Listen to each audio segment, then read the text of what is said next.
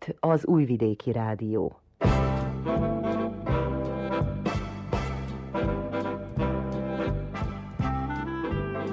Mozaik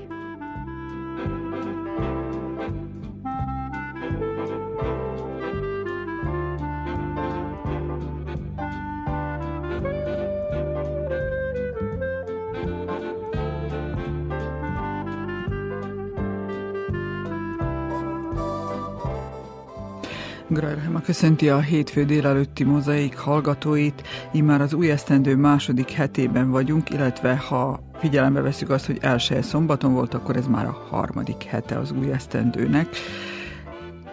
Az egymást követő ünneplések után lassan visszazökkenünk az úgynevezett szürke hétköznapokba. Ezekhez tartoznak bizonyos dolgok, amelyek meghatározzák majd az új évszámot, főleg azok számára, akik nyugdíjba készülődnek.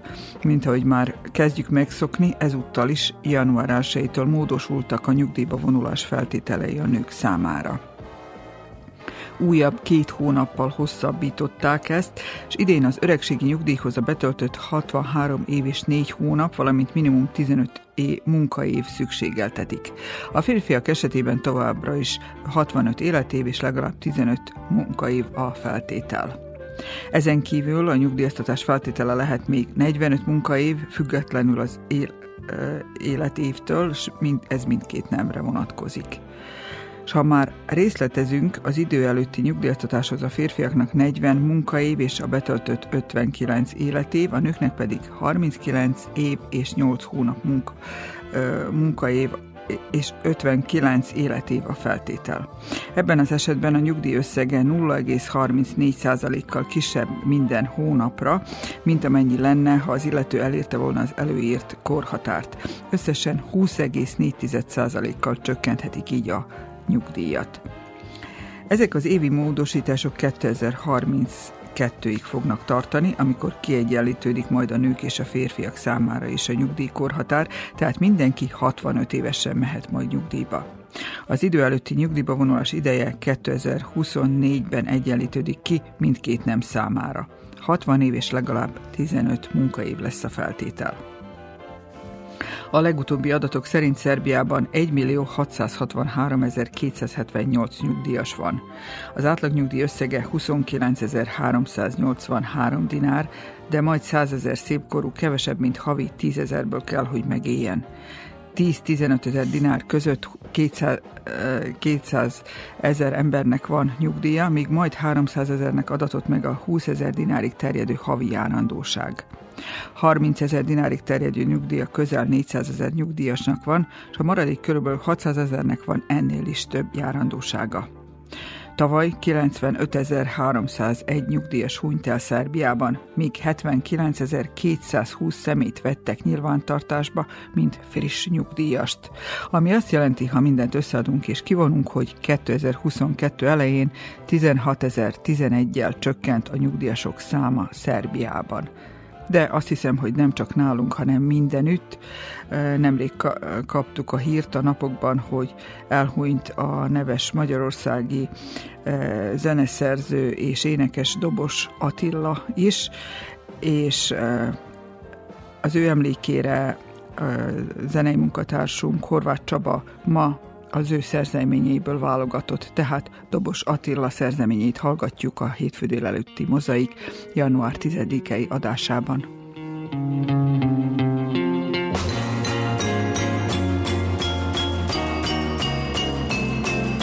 A boldogságtól ordítani tudni,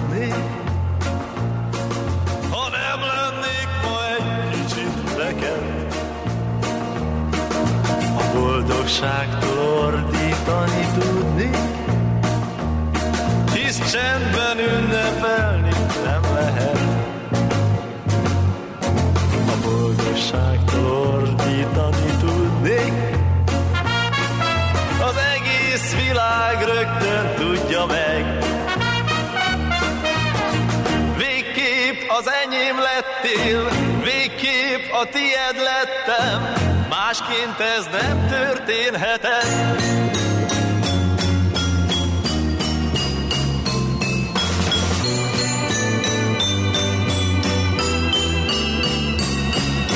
Nem rontott orvostól a házba. Én kibőjtöltem, amíg megszeretsz. Megvártam, míg magadtól jössz lázba, és éjjel-nappal engem emlegetsz. A boldogságtól ordítani tudni, ha tegnap még nem fáztam volna meg. Végképp az enyém lettél, végképp a tiéd lettem, másként ez nem történhetett.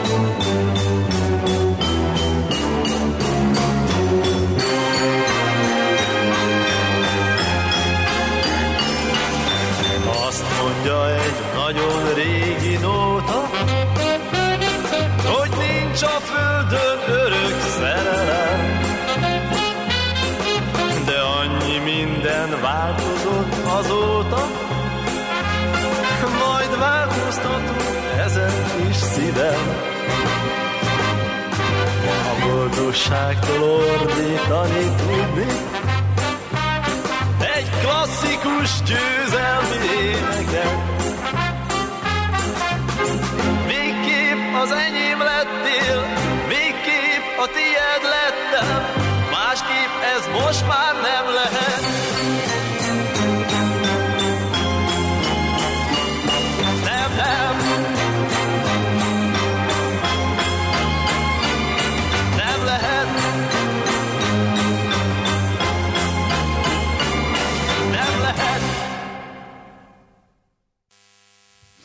Ilyenkor az év elején még kevés az esemény, de itt-ott történik valami. 1300 kilométeres útszakaszon gyalogolja be Szerbiát Nenad Popovics, becenevén Maverick ezeken a, na, ezekben a napokban, aki a túrázás mellett jótékonysági gyűjtést folytat ezen a hosszú útszakaszon. Egy 13 éves kislány és családja megsegítésére gyűjt. Az amatőr sportolóval Vörös Gábor beszélgetett újvidéki pihenője során a napokban. Mi a célja, mit kíván megvalósítani a mostani hosszú gyalogtúrájával? This whole walk is a humanitarian action. Gyaloglásom lényegében nem más, mint humanitárius, azaz jótékonysági túra, mely 1300 km hosszan vezet Szerbián keresztül. Mindennek célja, hogy egy 13 éves lány név szerint Márta számára gyűjtsek adományokat, aki nagyon siralmas körülmények között kénytelen élni, miközben két fiatalabb testvére és beteg, rokkant szülei gondozását is ellátja. Egy fűtetlen, villany nélküli házban éli mindennapjait, Célom az, hogy normális, biztonságos otthon teremtsek ennek a lánynak és családja számára. Elmondaná-e esetleg a hallgatóink számára, hogy egészen pontosan mit kell erről a lányról tudnunk, esetleg személyesen is ismeri Mártát és a lakatási körülményeit? Személyesen még nem volt alkalmam találkozni vele eddig. Erre az első találkozóra majd az utam során lesz lehetőségem, hiszen a túrám az ő településén át vezet. Egyébként a közép-szerbiai Szimicsevóban él, Újvidéktől nem túl messze. A kislány, aki még csupán 13 éves, nem kényszerből, hanem szükségből él roppant siralmas körülmények között, és napi szinten olyan feladatokat lát el, ami minden idejét lefoglalja. Még tanulni sem tud, hiszen a körülmények ehhez is elégtelenek. Ezen próbálnánk javítani, segíteni, hogy az éppen sárdülőkorba lépő leányzó ne szenvedjen el helyrehozhatatlan hátrányokat, további traumákat a mély szegénység kilátástalanságában. Upbringing and uh, living facilities than she does at the moment. Mennyien csatlakoztak az útja során, mekkora pénzadományt szeretne ennek a kislánynak összegyűjteni, illetve jelen pillanatban hogy áll a segélyakció?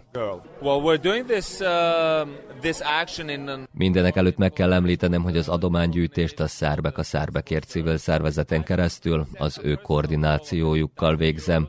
Én célösszegnek 50 ezer eurót tűztem ki, ami angol fontban 15 ezer. Eddig már több mint 4 ezer font gyűlt össze, mindössze egy hét alatt, ami számomra megható.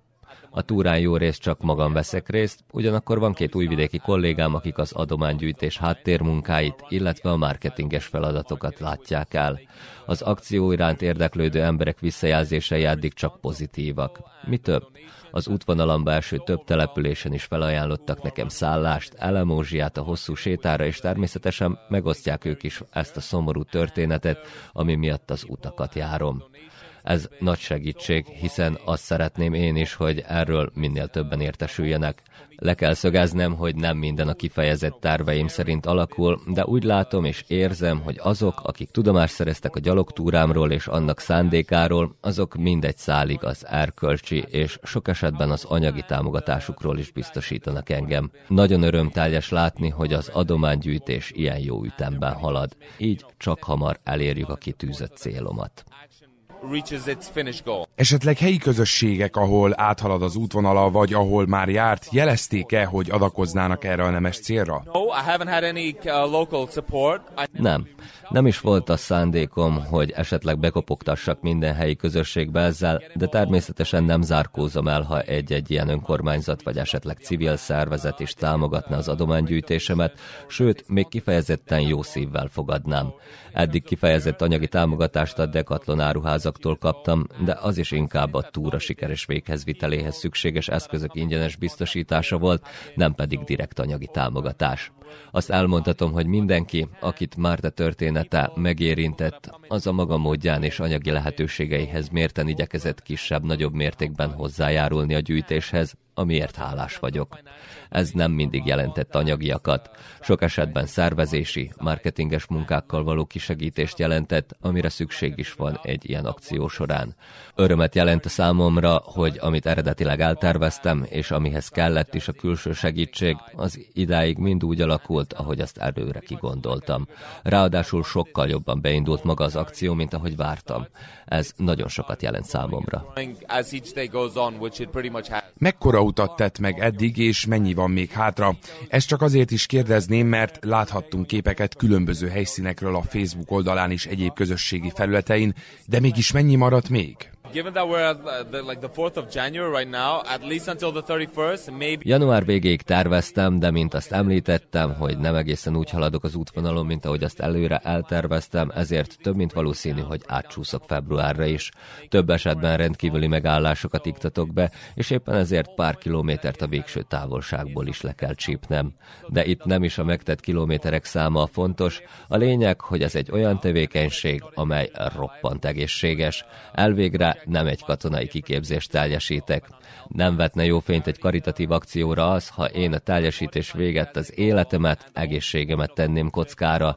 Itt újvidéken is tettem számtalan kitérőt, ami kisé megakasztott az utamban. Lényegében 1300 kilométert szeretnék legyalogolni, na de persze nem úgy, hogy közben rámegy az egészségem. Az pedig a jövőbeli akciókhoz szeretném megőrizni mindenképpen, hiszen jótékonysági túrából nem ez volt az első, sem pedig az utolsó. Future. Valóban az látszik a profiljáról és a bemutatkozásáról, hogy ez az ön számára egy életstílus, amit üdvös lenne, ha mások is követnének. Jól gondolom ezzel a mozgást is népszerűsíteni kívánja ezek szerint?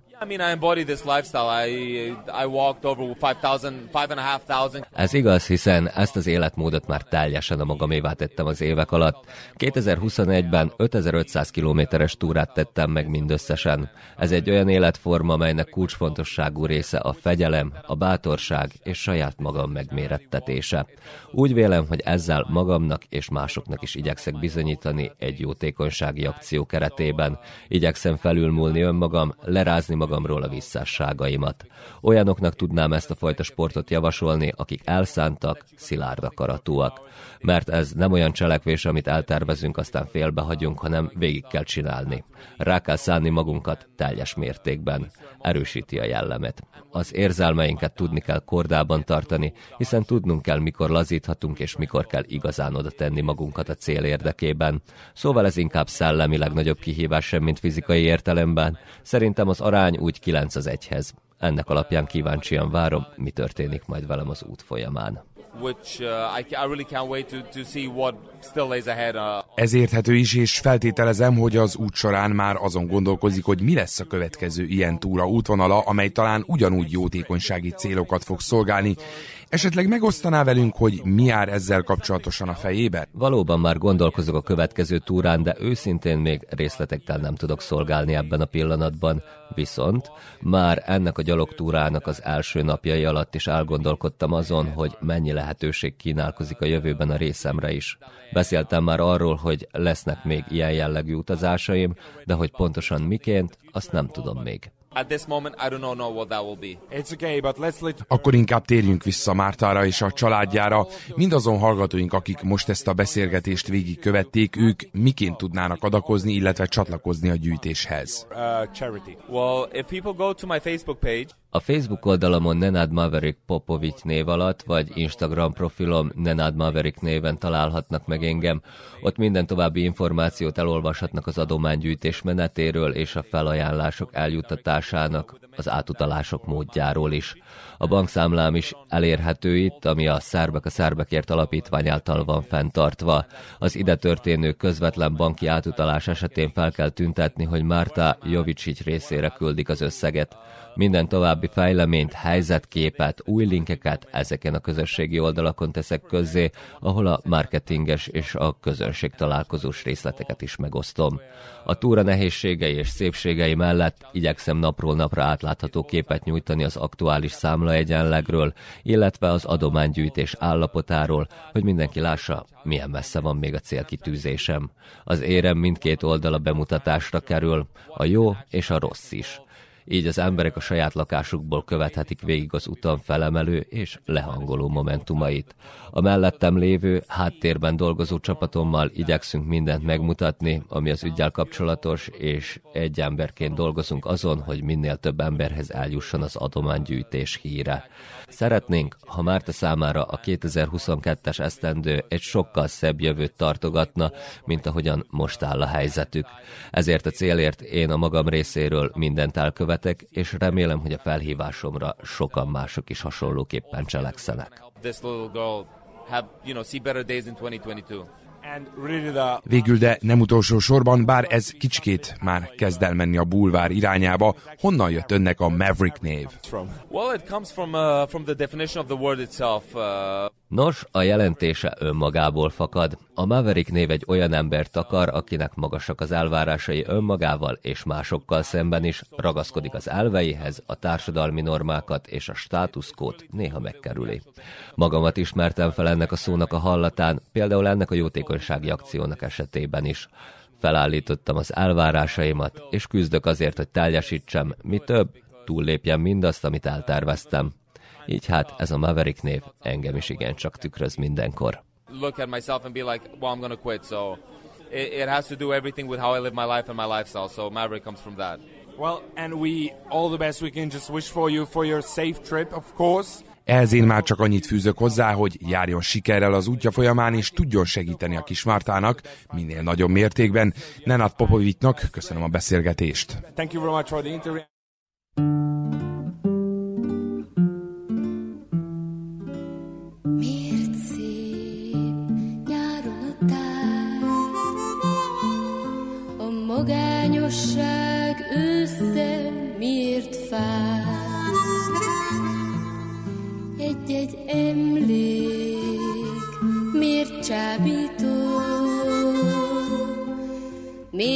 Esik jól néhány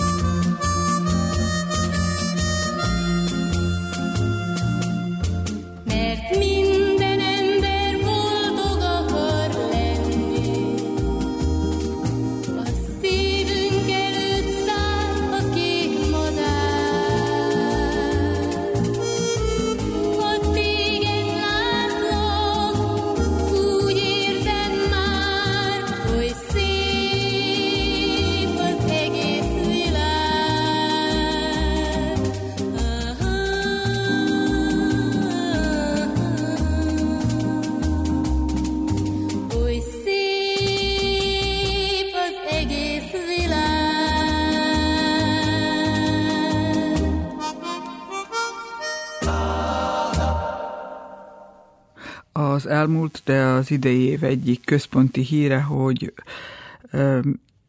nagy tempóban épül a vasút Belgrád és Budapest között. Nem sokára állítólag nagyon kevés időre lesz majd szükségünk, hogy az egyik fővárosból a másikba érjünk. Bezzeg volt egyszer egy csantavéri vasút is. Szedlár Rudolf helytörténészt kérdeztem a tavalyi év folyamán egy alkalommal, hogy mikor kezdte foglalkoztatni a csantavéri vasút története, hiszen ha valaki tud erről információkat, akkor az Szedlár Rudolf.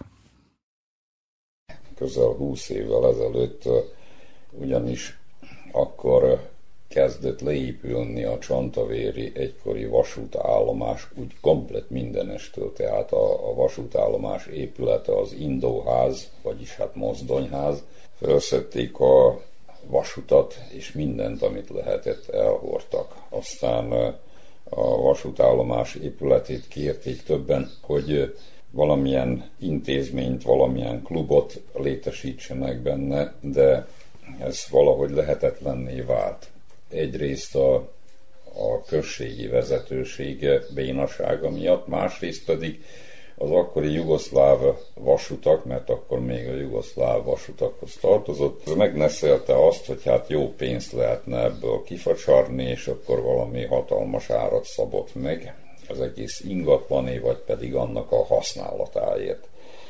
És akkor az történt, hogy az egész uh, kezdeményezés leakadt erre föl a honfoglalók, és én kimondom, cigányok behurcolkodtak oda, és elfogalták az egész vasútállomás épületét, amit lehetett, azt kirámoltak, eladtak, feltüzeltek, szétromboltak, az akkor már szerbiai vasút megunta ezt az egészet, eljöttek ide és lebontották az épületet. Tehát hűlt helye az egésznek manapság. Hűlt helye egyedül csak két gabona raktár maradt meg a régi vasútállomásból, azok még most is állnak ott a Zsedniki, azaz Bajmoki úton, meg megmaradt még a jószág felhajtó, tehát az az építmény, amelyen a, a lábas jószágot, a marhákat, a disznókat a vagonokba felhajtották. Tehát ennyi maradt meg a vasút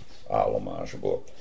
Na most hozzátartozik a történelméhez az, hogy Csantavér mindig is el volt vágva valahogy a világtól.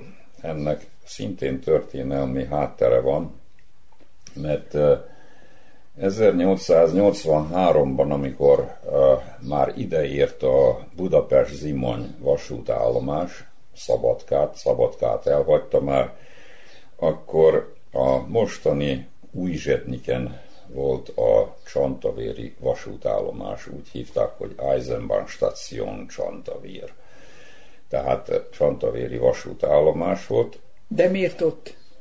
Azért, mert a vasútállomást Baros Gáborék, tehát a vasminiszter, az úgynevezett vasminiszter, amikor eltervezték ennek a vasútvonalnak a megépítését, akkor arra törekedtek, hogy valamiféleképpen egyenesen húzzák meg a csíkot, tehát a vasútvonalat Budapesttől le Újvidékig, Zimonyig továbbá. És hát Csantavér kérvényezte, hogy tegyenek egy kis ívelt kitérőt, hogy nagyjából véve egy két-három kilométerre ide elhozzák közelebbre a vasutat. Ez azonban nem lehetett, nem jöhetett létre, mert tulajdonképpen harcot vívtak a községek, Topolya is, Szent Tamás is és a többiek, hogyha Csontavéren vonul végig a, a vasútvonal, Csontavér mellett, akkor Szent Tamásnál kellett volna,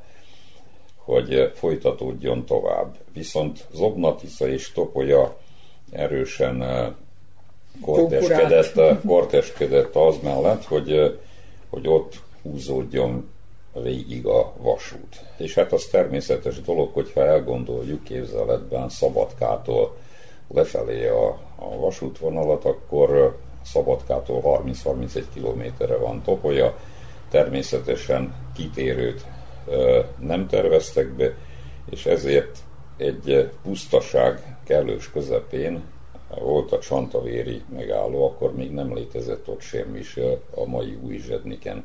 Ez így ment 1889-ig, amikor eltervezték a Szabadka-Zenta vasútvonalat, azaz korábban eltervezték, 1889-ben épült meg. Arról van szó, hogy Szabadka felajánlotta Csantavérnek immáron másodszor, hogy hozzáférhetővé teszik a vasutat Csantavérhez.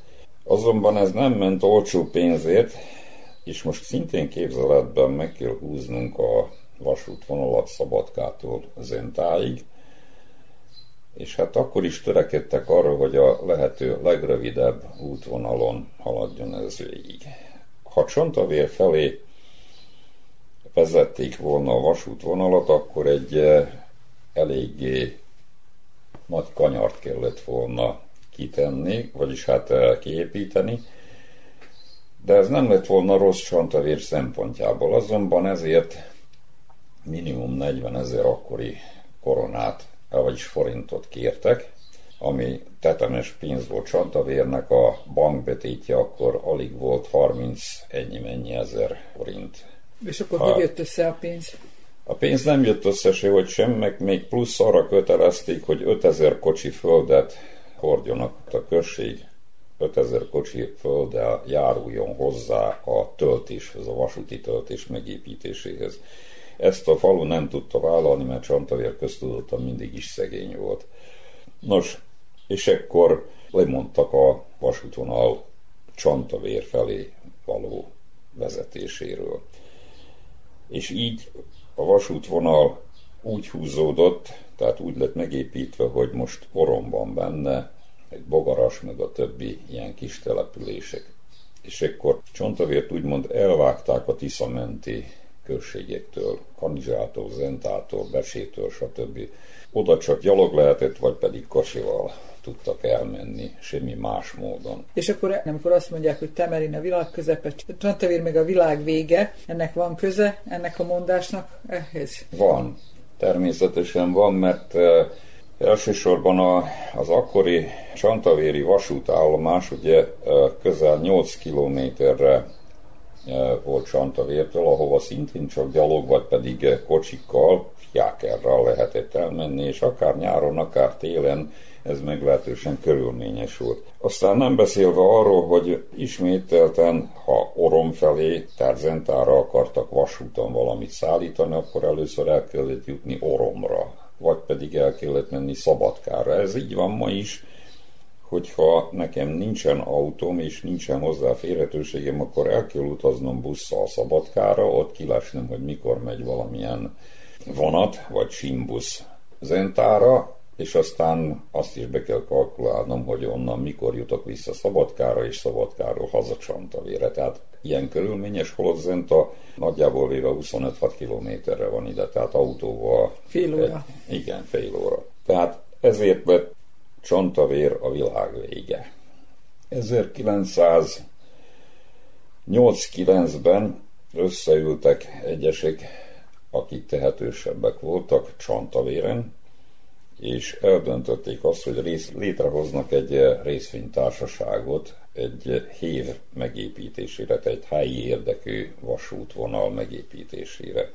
Mégpedig Csantavértől Nagyfény pusztáig, mert Nagyfény pusztának nevezték azt a helyet. Csantavéri állomást. Igen, a Csantavéri állomást, azaz a mai új zsetniki állomást. Ez létre is jött, 1909. decemberére megépítették, akkor tettek egy próbát decemberben, és a vasútvonal 8,5 km, tehát 8,5 kilométernyi hosszúságú volt, és hát a, a próba jól sikerült, 1910 elejétől megindult a rendes vasútforgalom Csantavér és Nagyfénypuszta között.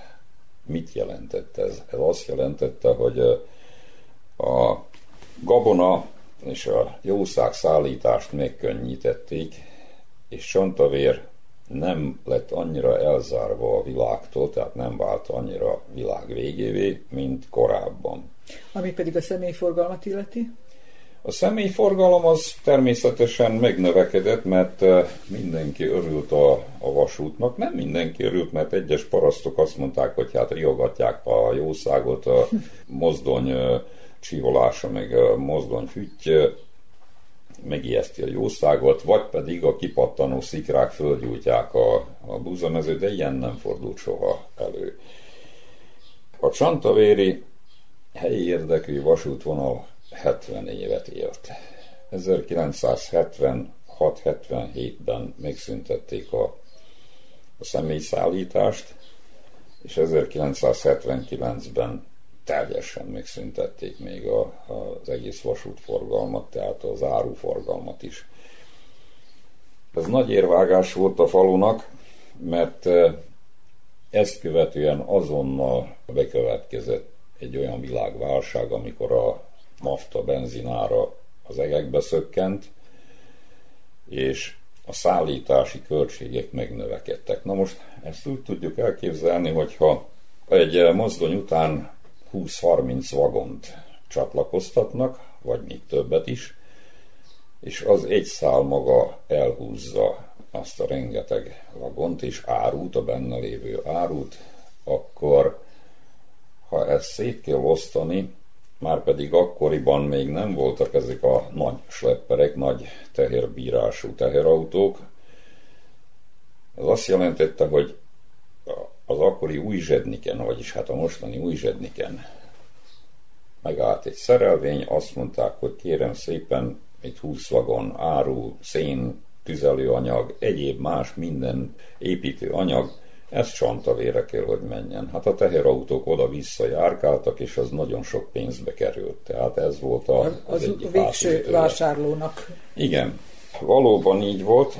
Jól menő volt a, a csantavéri helyi érdekű vasútvonal, tehát kifizetődő volt. Hogy mindezt megtudja, a forrást hol találta? Budapesten a közlekedési múzeumban, elmentem a, a levéltárba, könyvtárukba, és azt mondtam, hogy kérek valamilyen csantavéri anyagot az ottani hév, tehát helyi érdekű vasútvonal könyveléséről, akármiről, akármik van. Hát az ott lévő hölgyek szolgálatkészek voltak, és gondolkodtak, hogy hol lehet ilyesmi. Aztán a végén egy eldugott helyen megtaláltak több könyvet, amit én kézbe vettem, és meglepődtem azon, hogy ezt utoljára talán 1919-20-ban vette valaki a kezébe, azaz forgatta. Kifénymásoltattam onnan jó sok anyagot, erről írtam közvetlen utána a Bácsország honismereti folyóiratban, írtam a Csantavéri újságba is, mert az egyik paripán pontosan a vasút volt, a Csantavéri vasút. És nagyon fájdalmasan érintett annál is inkább, mert a munkahelyemet veszítettem el, ugyanis én a Szabadkán a birografikában, a vasúti nyomdában dolgoztam. Ingyen jegyen volt a vasútra, és amikor megszüntették a vasutat, akkor nekem busszal kellett utaznom. Az viszont drága volt. Pontosan a benzinár emelkedése miatt.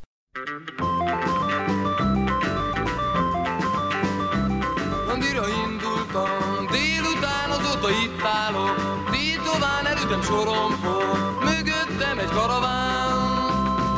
A sínen átmenni nem lehet a kezelőhöz, hát elmegyek, annyiszor tettem én, össze már a kezemet, Drága bakter úr, a sorompot miért nem nyitja fel? Engedjen át, hisz a vonat nincs még oly közel. Vár egy leány a soromp a másik oldalán. Nem várhat ő egy hétig rám,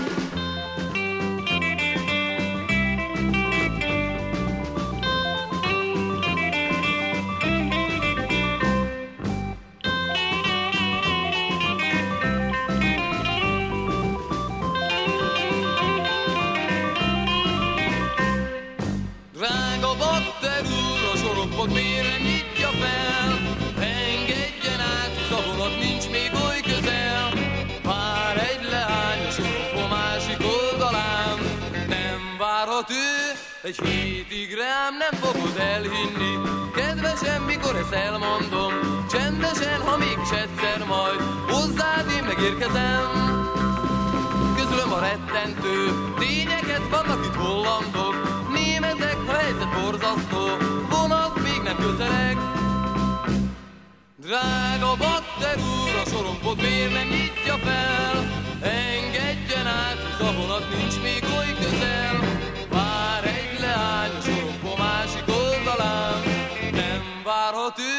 Egy hétig reám. Drága bakter úr, édes bakter úr, aranyos bakter úr, jaj bakter úr, édes bakter úr. Te az első vasúti élményére emlékezik-e, hogy hány éves volt, amikor vonatra ült? Nem tudom, hány éves voltam, kisike voltam, szabadkai lakos voltam. Ide Csantavérre a nagyapámhoz és a nagynénémhez, a rokonokhoz jöttünk ki, utaztunk ki. Igen, emlékszem arra, hogy amikor megjelentek az első simbuszok, addig a vicinális, az úgymond vicinális húzta gőzmozdonya az utasszállító vagonokat, és amikor megjelentek az első simbuszok, az épp roppant érdekes volt, olyan volt, mint egy autóbusz, csak hát a vasúton közlekedett, és elől ültünk, és kérdeztem anyámat, hogy hát hogy lehet az, hogy ez a jármű ezen a sinem pontosan rajta megy, és nem tudtam felfogni, hogy milyen is lehet a vasút, tehát a, egy vagonnak a kereket, a vasúti kerék.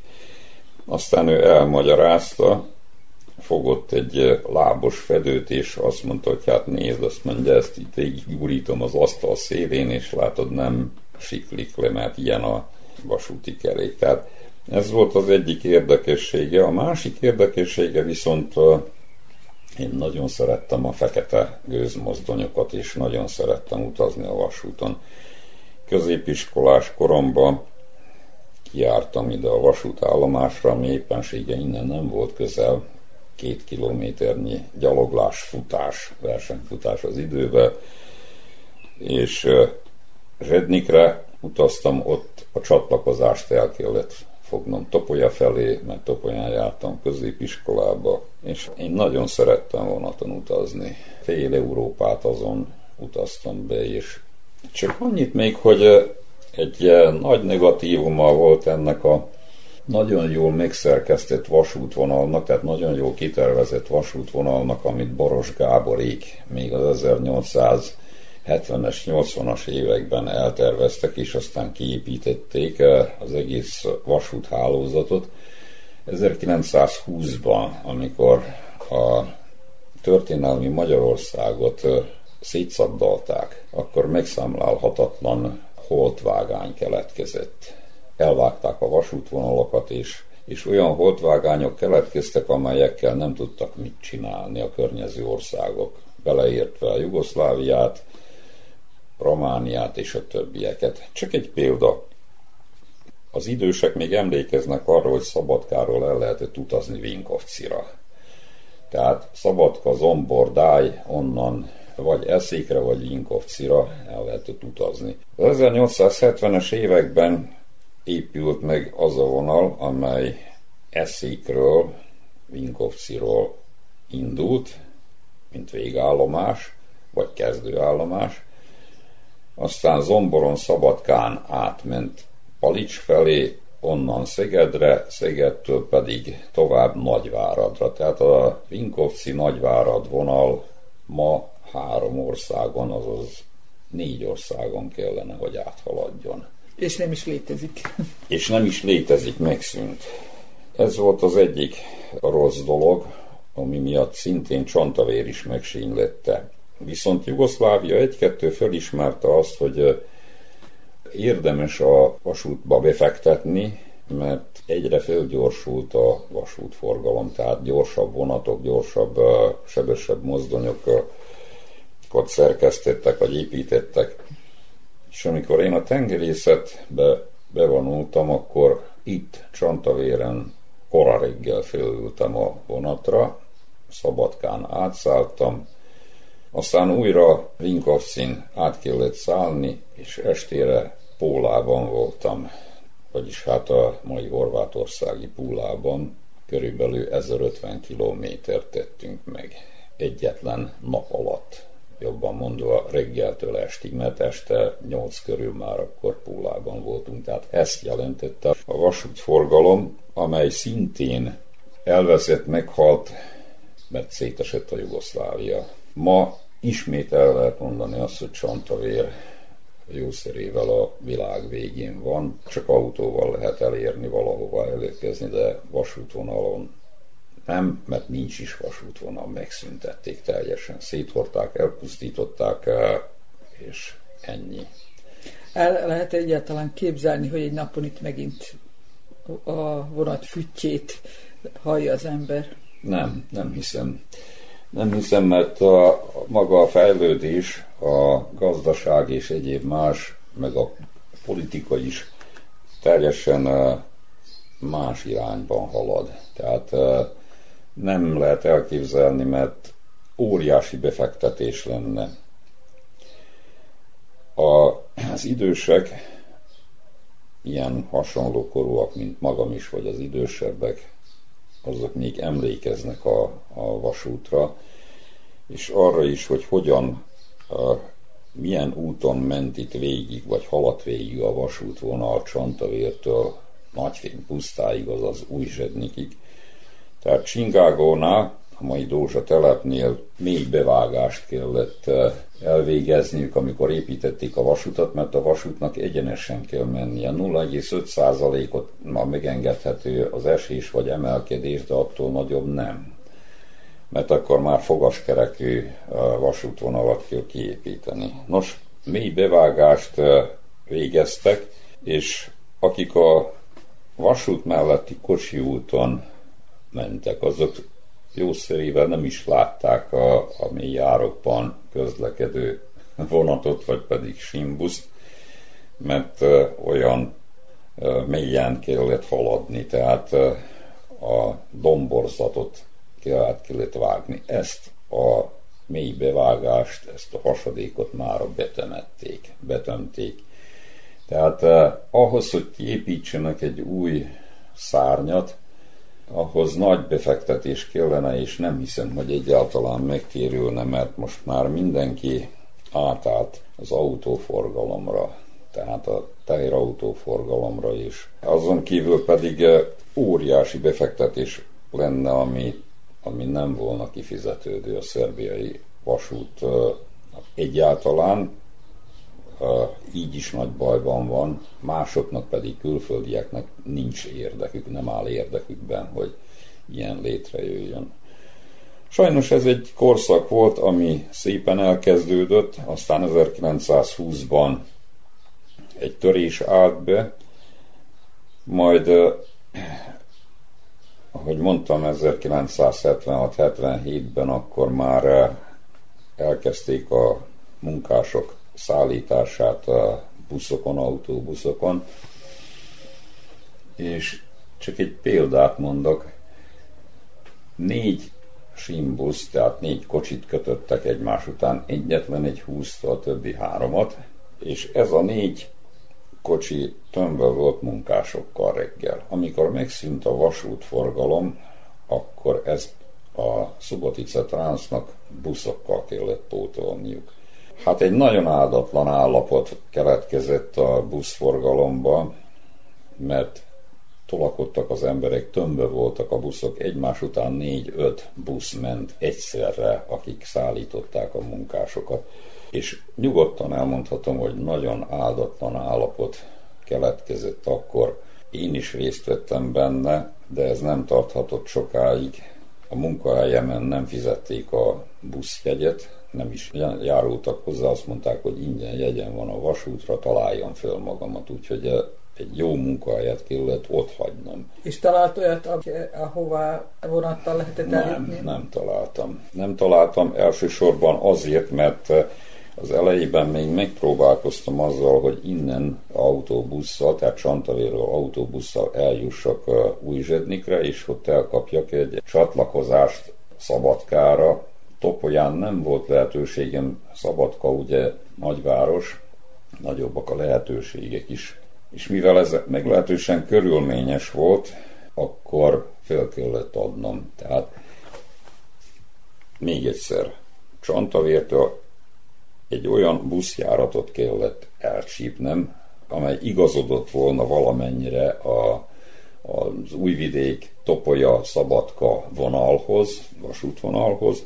Ugyanezt képzeljük el visszafelére is, és ez egy nagyon körülményes dolog volt, tehát semmiképpen nem tudtam volna vasúton utazni. Ezért busszal jártam, azt viszont nem fizették is, én nekem majdnem a fél fizetésem ráment a buszjegyre.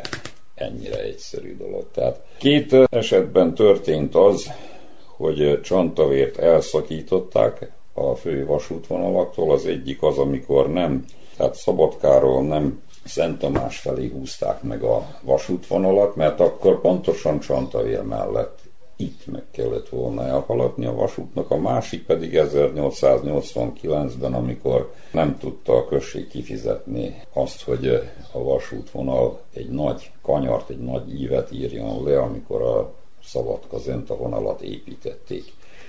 Ennyire egyszerű a magyarázat.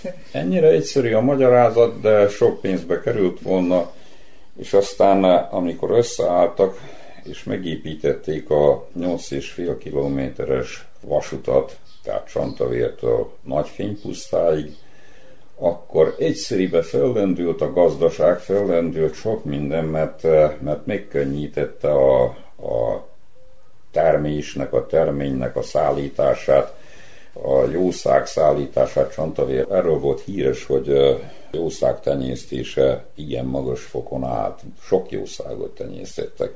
Nem beszélve arról, hogy ami nyersanyagra szüksége volt a falunak, az ugye vasúton érkezett.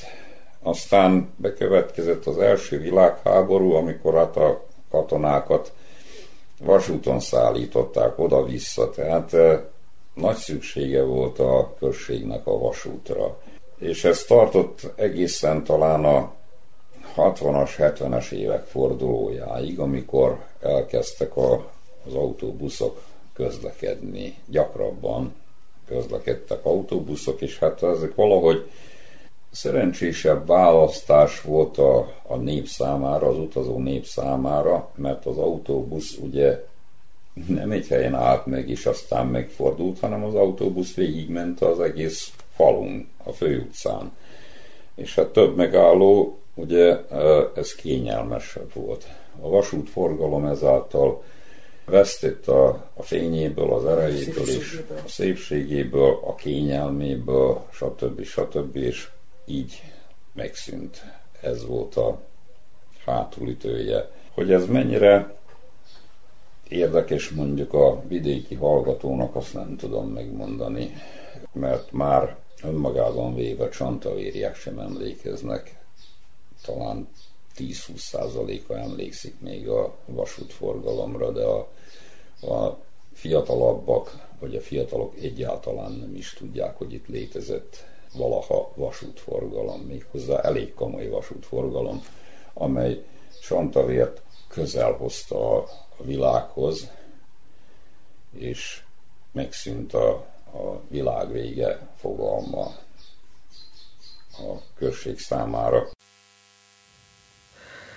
A Csantaveri vasút történetét hallottuk, Szedlár Rudolf helybéli történész, helytörténész szavait tolmácsoltuk.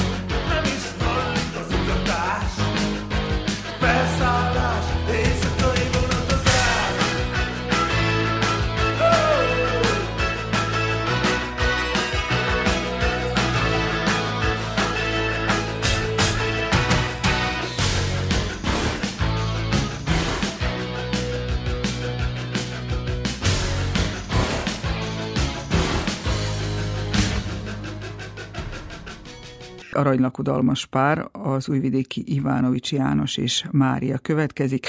Ők az aranylakodalom mellett egyházi esküvőt is tartottak ezen a szép napon annak idején. Lányuk Ivánovics Fábri Tünde is mesél erről az eseményről. Ivánovicséknál nemrég aranylakodalom volt, ezért az egyik bűnbak lányuk tünde. Igen, próbáltam egy kicsi varázslatot hozzátenni ehhez az eseményhez, bár az 50.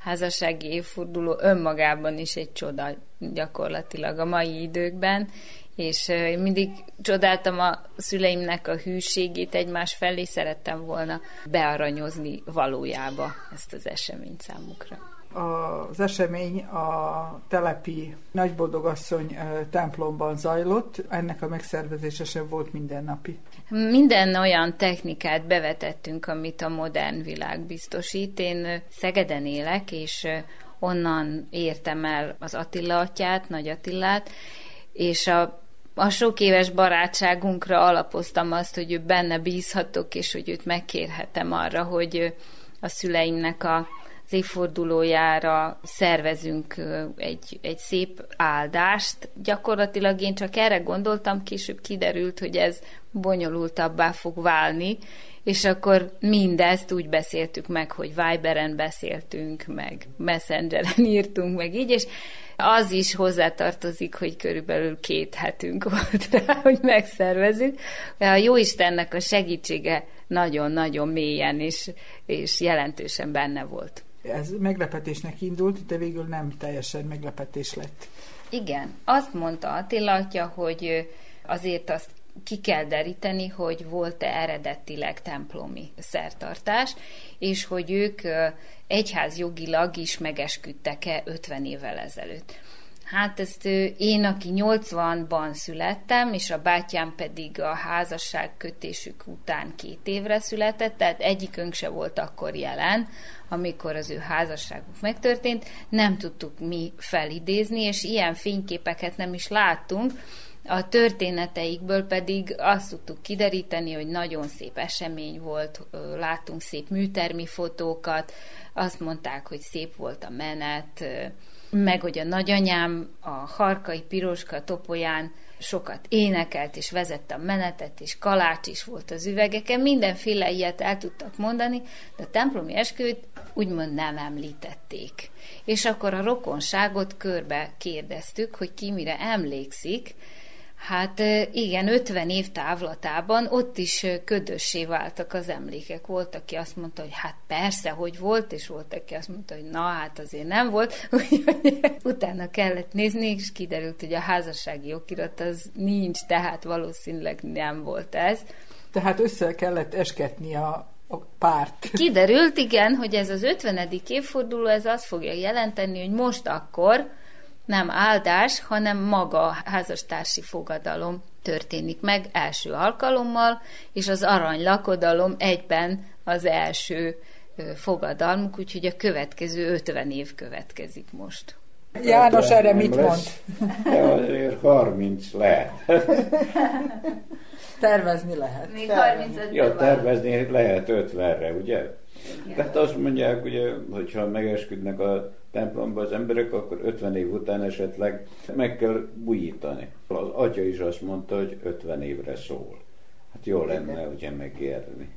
50 évvel ezelőtt nem mindenki esküdött templomban, ennek meg volt az oka is. Hát igen, mert munkával kapcsolatosan vezetői állásban voltunk, és akkor ez ilyen pártagsággal járt, az pedig kizárta az ilyen szertartásokat, és Függetlenül attól, hogy katolikus családból Igen, származnak. igen. Ettől minden függetlenül ugye külön ilyen szokás volt, hogy nem lehet. Aki vállalta, az vállalta a következményeket is akkoriban, ami egészen más mese, amit szinte nem is tud az ember mostan elhinni, hogy ilyen világ volt akkor. Volt rá példa, hogy valaki elveszítette az állását? Hát volt rá példa, hogy büntetést kapott. Épp a Jánosnak a barátja, aki szintén vezetői állásban volt, ottan a vállalatban, ő mivel a nagyanyának megígérte, hogy ő templomba fog esküdni, ő templomban megesküdött, és akkor a párgyűlésen külön büntetést kapott, János védte, hogy hát az, amit a nagyanyának megígért, az nagyobb súlyú, mint ez a pártagsági könyvecske. És így valahogy megúsztan. Hát ez nem egyszerű dolog, ugye? És lévén, hogy Topolyán éltek, az egy aránylag kis közösség, közösség a újvidékhez képest igen. például, és ott minden kiderül. Minden kiderül, igen. Ott nincsen titok. és a gyerekeket később tudták keresztelni? Igen. A tünde meg van keresztelve, de a Zsolt az nincs az is még ezekben az években igen, történt, igen, amikor, igen. amikor még ezt nézték. Igen.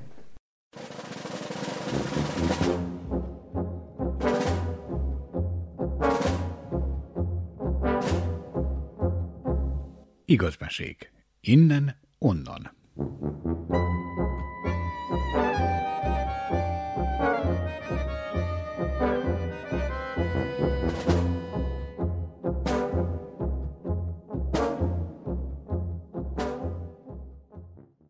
Olyan családban nevelkedtem, ahol vallásosak voltunk, de a templom például négy és fél kilométer gyalogulásra volt a házunktól, mert mi a Csantavíri úton laktunk, a templom pedig a Krajkastély mellett van. A Krajkastélyban akkor apácák voltak, akik tanítottak bennünket hittára. És a hittan mindig vasárnap délután történt és a vasárnap délután, mikor már az ember legyalogolt négy és fél kilométer jó melegben, akkor inkább elment vagy fürödni, a Vénusz is ott volt a fotballpálya mellett, vagy elment a foci meccsre.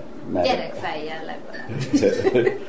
és a hangulat is abban az időben az volt, hogy hát nem nagyon szerették a papokat az a munkást társadalom. Az a világ. A másik oldal például a, Marika nem említette, hogy az ő édesapja pedig tanár volt verbászon. És a tanárok rá se gondolottak, hogy mentek, mentek volna a templom. Mert az akkor egy volt a fölmondásról. Szóval abban az időben ilyen volt a dolog. Engem a népművészet is arra tanított, hogy a boldogasszony hit, hogy, hogy ez egy egyértelmű fajta út volt számomra, hogy, hogy kérdés nélkül valamikor úgy is meg fog történni, hogy én lépek majd az én nevemben, mivel a szüleim nem tehették meg. És hát ez a döntés ez nagyon megerősített mindenféleképpen abban, hogy magabiztosabbá váljak, és hogy nyilván ne csak úgy énekeljek Szentmiséken, hogy szép a hangom, vagy szépek ezek az énekek, hanem hogy mélyebben értelmezem. Ezt aztán később próbáltam, meg most is próbálom a családba bevinni, azért is gondoltam, hogy ne csak elmenjünk egy étterembe, és ott vendégséget csapjunk, hanem hogy ennek ez az áldás része lehessen.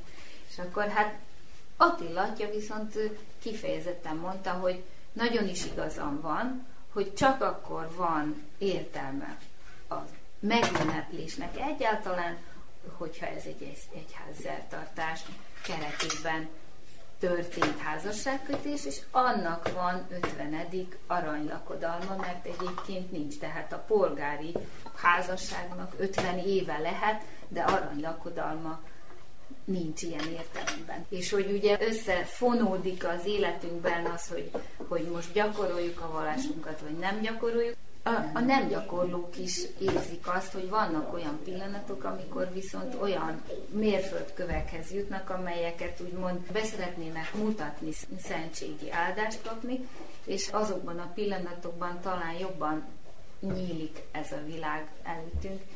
Hát így a meglepetés ugye nem úgy sikerült, mert hát Attila atya mondta, hogy mivel hogy kiderült, hogy nekik most lesz az első házassági fogadalmuk, maga az esküvő, meg kell, hogy tudják, hogy készülünk erre a szertartásra, mert ők ezt szabad akaratukból kell, hogy elvégezik, és nekem nagyon megható volt, hogy felhívtam őket, és elmondtam, hogy mire készülünk. Szerintem már sejtették, és akkor mondtam, hogy de hát azért meg kell, hogy kérdezzétek egymást, és most meg kell mondjátok, mert hívnom kell az Attila este a válaszsal, hogy most akkor vállaljátok egymást, vagy nem vállaljátok. És nem volt nagy dilemma. nem. És én, én biztos, te vállalod? Hát én vállalom. Ez a beszélgetés nem csak erről a szép eseményről kellene, hogy szóljon, hanem hát beszéljünk egy kicsit erről az 50 évről, illetve egy kicsit, ha vissza tudnak emlékezni a, a legelejére, hogy egyáltalán hogy találtak egymásra. Ó, hát ez egy olyan hosszú történet, hogy mi, én első éves középiskolás voltam, János az harmadik osztályos volt, és Szabadkán az építészeti középiskolába jártunk, annak a diák otthona ott van mindjárt mellette, és az én szobám ablaka a János szobája ablaka fölött volt, és akkor az, a szobatársaim, ugye ezek már harmadikosak, negyedikesek voltak, lányok, mert mindig így fiatalabb, meg idősebb diákokat raknak egy szobába, hogy jobb legyen a hangulat, meg segítsenek egymásnak, és akkor azok a lányok mindjárt mondták, hogy itt vannak fiúk lent, és hogy együtt menjünk színházba, moziba, és így megismerkedtünk. Ottan magában a diák otthonban nagyon szervezett a, az élet, könyvtár van, tanulás van, ellenőrzés van, udvarban lehet szabadon barátkozni. sétálni, barátkozni, hétvégek előtt, nem vasárnap, hanem szombaton ilyen zenés, tánc esték is vannak szervezve, úgyhogy lehet barátkozni. Ugye. Tehát nem jártak minden hétvégén haza se? Nem, hát egyáltalán nem is lehetett abban az időben. Azt hiszem, hogy havonta egyszer lehetett menni a felügyelő megengedésével külön ilyen igazolást kellett hazavinni, amit a szülő alá kellett, hogy írjon, hogy biztos legyen az, hogy mi hazamentünk, és hogy ők tudják. Ez ilyen volt. Ez a sok együttlét és barátkozás nem is volt olyan nehéz a kezdő. A 15 éves voltam akkor, hogy akkor voltam először szülő nélkül valahol ilyen sok ideig, és ez mind, ez az ilyen szervezés, ez segített arra, és hogy találtam ugye a lányok között is barátokat, a fiúk között is, és ez nagyon kellemes volt abban a szempontból is, hogy nem éreztem magamat egyedül, meg abban a szempontból is, hogy mindig volt valaki, aki ha kellett, akkor segített, úgy, mint ahogy otthon, hogy esetleg a szülők segítenek. És biztosan az önállósodás a felnő, felnővés útján is ez egy jó iskola volt. Hát igen. Akkor természetesen nem volt telefon se. Levelet lehetett írni, a dadának a szobájába, ha nagyon kritikus volt a helyzet, akkor esetleg volt, de hát az, akkor is kérdés volt, hogy a szülőnek van-e telefonja, vagy valahol a szomszédságban van valami szomszédnak telefonja, úgyhogy ez olyan idő volt. Sose volt rá szükség, hogy külön akciók legyenek, mindig minden meg lehetett oldani. A középiskola elvégzése után mindketten az építészeti egyetemre mentek. Igen, hát mivel a János két évvel idősebb, ő oda ment Belgrádba, és bejárta a terepet, én mikor kellett, hogy menjek, és páran, nem is tudom, épp az ő osztályából, meg, és mindannyian ott abban a diák otthonban laktak, mentek Belgrádba, úgyhogy ők mindent tudtak, a, ők voltak a nagyok, ugye. Az előrs. igen, igen, mindent el tudtak mondani, ki kellett várni, el kellett menni, utazni oda, mert mondom, nem volt telefon. Megmondták, hogy mit egy három nap múlva meg lesznek az eredmények, el kellett utazni Belgrádba, ott a táblán ki lesz függesztve, azt el lehet olvasni, és akkor... Nincs internet, nincs mobil, nincs, nincs semmi. semmi. Nincs semmi. És ezek az, ezek az egyetemi évek, ezek már a, a szerelem évei, vagy ez még mindig a barátkozás ideje? Itt már kapcsolatban Igen, voltak. kapcsolatban voltunk. Valójában hogy is derült az ki, hogy kapcsolatban vagyunk. Mi állandóan együtt mentünk színházba, népkörbe, és eljártunk táncra, magában az otthonba táncoltunk együtt. Voltak párok, mindig tudták, hogy kik a párok az otthonból is, akik együtt táncoltak, és a második év után volt ilyen gyakorlat. Verbászon jártam gyakorlatra, és egy hónapig jártam dolgozni a tervező irodába, és valami terepen is voltunk, és az a fő, hogy én megizzadtam és megfáztam, annyira, hogy ilyen vakbélgyulladást kaptam, és kórházba kerültem.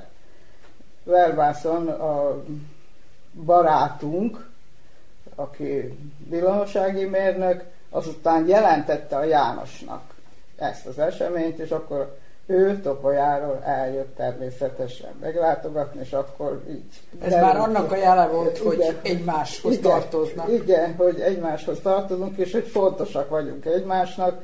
Utána, mikor már kiengedtek a kórházból, és hazamentem, akkor ő oda is eljött, és akkor megismerte a szüleimet, nem tudom, hogy melyik évben volt utána már az egyetemkorban, amikor eljegyzést is szerveztünk. Mármint, hogy igazi megkérte a kezét. Meg... Igazi eljegyzés, tehát megkértem a kezét. A Szülőkkel átjöttek verbászra, gyűrűvel, ajándékkal. Ez meglepetés volt?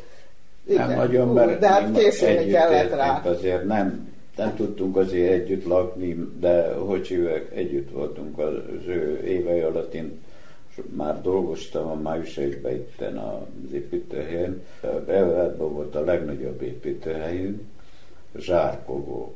És a barikával, mikor gondolkodtunk rajta, úgy, hogy majd összekerülünk, és hogy majd lakást veszünk, vagy házat, vagy annak idején a belgrádi házak olyan négy lakásos házak voltak, azok nagyon szépek voltak, egyenletes házak, és elmentük megnézni. És ahogy megállt a busz a végállomás Zsárkovó, Ki kiléptünk a buszból, a Marika ilyen kis... Köröncipőben voltam. Belelépett a sárba.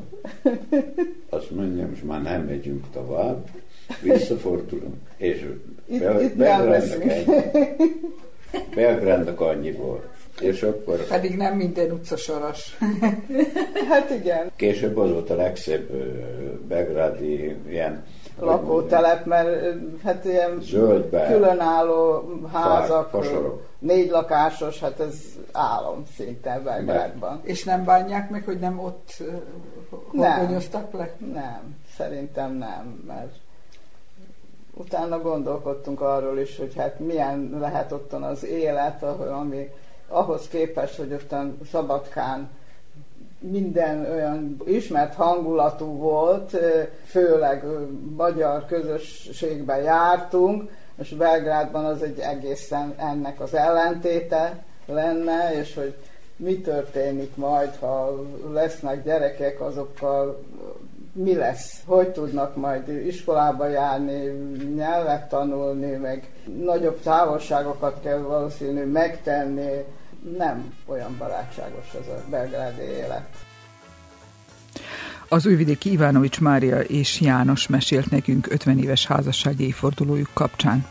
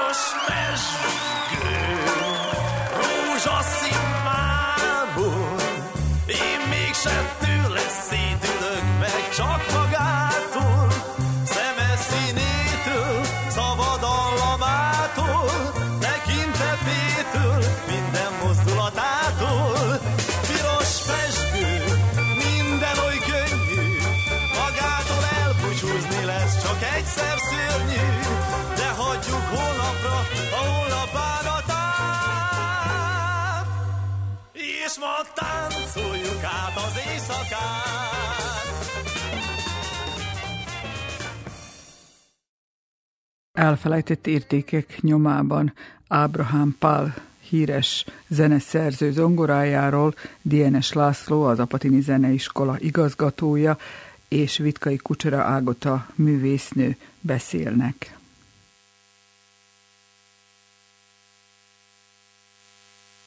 Hogy került ez a zongora ide a zeneiskolába? Annak idején 1912-ben hozták hajón, valójában itt volt egy fajta a hangszer lerakat a patinba, és ha jól tudom, 120 zongorász, zongorát hoztak ide a patinba, amit ugye innen ugye tovább szállítottak különböző helyekre, vagy, vagy valaki megvette, vagy ilyen operaházak, vagy, vagy koncert termekbe vitték. Már akkor is ezek értékes Persze. hangszerek voltak. Igen, értékes hangszerek voltak, és én azt hiszem, hogy másképp építették, gyártották ezt az zongorát, mert számjai vannak neki, amit csak akkor gyártottak le. Ez egy külön sorozat. Ez, igen, igen. Ezt nem is tudtam, mert valójában tavaly nyáron Biográból hittem zongora hangolókat ide Apatin zeneiskolába, és hát ugye dicsekedtem vele, hogy, hogy ilyen zongorámban is. Rögtön megnéztem, és rögtön látta a számot, a speciális szám, hogy ez nem olyan Szíriába gyártott Steinweg, hanem valójában egy speciális, nem tudom mennyit gyártottak belőle, és ez a zongora ahhoz tartozik, szóval ez még egy kicsit emelő még a, még a, a rangját a, a zongorának. Ez szinte száz éves zongora, vagy még több? Hát most már több, igen, több mint száz éves zongora. Az Ábrahám Pál ugye ezen kezdett gyakorolgatni, ő öregapja vette annak idején, a háború után második világháború után az ő öregapja az egyedüli apatini holokauszt túlélő, és ő 1948-ban, amikor alakult hivatalosan megint az apatini zeniskola, eladta mi nekünk. Állítólag nem ajándékozta, de nagyon ő csekély összegi állítólag. Valaki azt mondja, hogy ajándékozta, de nem ajándékozta, eladta, valami nagyon csekély összegű. Na most ez a zongora valójában egészen 1900 90-es évek elejéig nem volt a zeneiskolába, azt nem tudom, hogy hol volt, a Patikban valahol volt, és utána áthozták ide. Az akkori igazgató próbálta felújítani, bele is költött nem tudom mennyi pénzt, de nem úgy szólt, hogy kellett volna, kellett volna húrozatot újját tenni rá, és nem is volt rajta játszva, fel kellene ezt a zongorát újítani, ami elég drágába kerülne körülbelül fölmérti per ez a zongora stimmel, aki volt itt mi nálunk szeptemberben, az utána kérdezett, mert vannak valami ismerésé Hannoverben, mert rójában ennek a zongorának Hannoverben van a, az európai lerakata. És megkérdezte, körülbelül a teljes felújítása 30 ezer euróba kerülne. De most tessék ezt a pénzt beszerezni valahonnan. De valójában, ha érdekeltséget megnéznénk, valójában ez egy gyöngyszem, hogy világhírű zeneszerzőnek a zongorájáról is van szó érdekel lehetne mondjuk Apatin is, érdekel lehetnének például a vajdasági magyarok is, Magyarország is, meg valójában nem csak magyar zene, világi zene, mert a németek is magáénak tartsák, szóval Németország is valójában.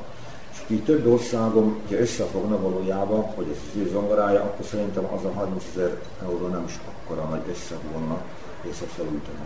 Ez lehetne itt is zeneiskolában, lehetne tartani, vagy Apatinba van egy német múzeum, ahol ott is lehetne tartani ezt a zongorát is. Egyébként az apatiniak mennyit tudnak Ábrahám Pálról? Szerintem nem sokat. Tudják azt, hogy sarkon volt, hogy Ábrahám volt. Azt még a mai napig is az idősebbek úgy hívják, hogy Ábrahám volt, ahol lakta valójában. És szerintem többet nem.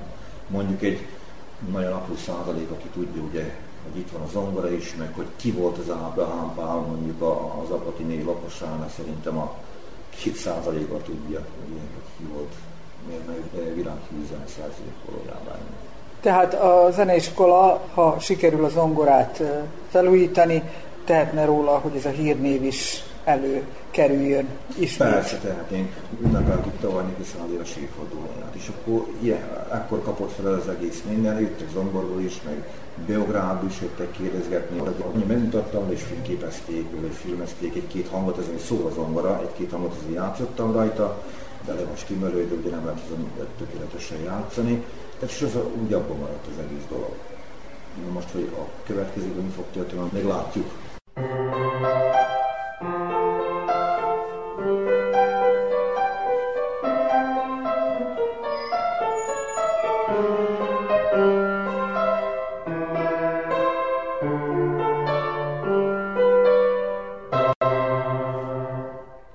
Így szól jelenleg Ábrahám Pál zongorája az Apatini Zeneiskolában. A folytatásban halljuk Vitkai Kucsera Ágotát, aki a doktori munkáját készítette Ábrahám Pálból, hogy így mondjuk, Végtelen Harmónia a címe annak az előadásnak, amelyben bemutatta Ábrahám Pál életét.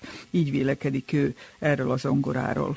Szóval amikor Ábrahám Pál műveit és életét kutattam, és azt is mutattam be a művészeti doktorátusomon, rámutattak az ongorára. Az akkor igazgatónő a Potimból be is mutatta, hogy hogy találta fel, hogy fedezte fel az ongorát, az egy kazinóba volt, és nem is tudták, hogy uh, mit csináljanak az zongorával. Erre kisült végre, hogy Ábrahám Pál édesanyjája az a zongora, úgyhogy Ábrahám Pál akkor zongorázott, az volt az első érintkezése a, a hangszerrel. Próbáltam a könyvemben is bemutatni, a kutatásomban is, és egy Klaus Waller enciklopédistával, német úrral beszélgettem, illetve leveleztem, és ő is a könyvében, meg a honlapon, amit Ábrahám Pálnak szentelt, feltette az zongorát, és hogy szükséges lenne adományozás, hogy a zongorát újítsuk. Ilyen összefogást el tud képzelni itt tájénkon? Hogy ö, sikerüljön. Én hiszem, én hiszem, de szóval nem bírjuk csak a saját forrásainkból, hogyha itt a németből is, hogyha segítenének, mivel van egy Ábrahám Pál szervezet, szerintem akkor valahogy így ö, megindítani, hát egy, egy kisporból, azért mégis kis szellőből egy, egy nagy orkán lehet, úgyhogy és hiszem benne, hogy ez meg fog történni.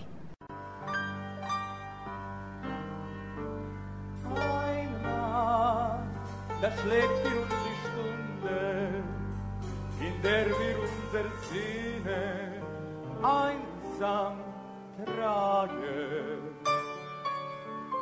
Da, da, blutet eine Wunde und du musst unter Tränen zu mir sagen, Reichen dir zum Abschied noch einmal.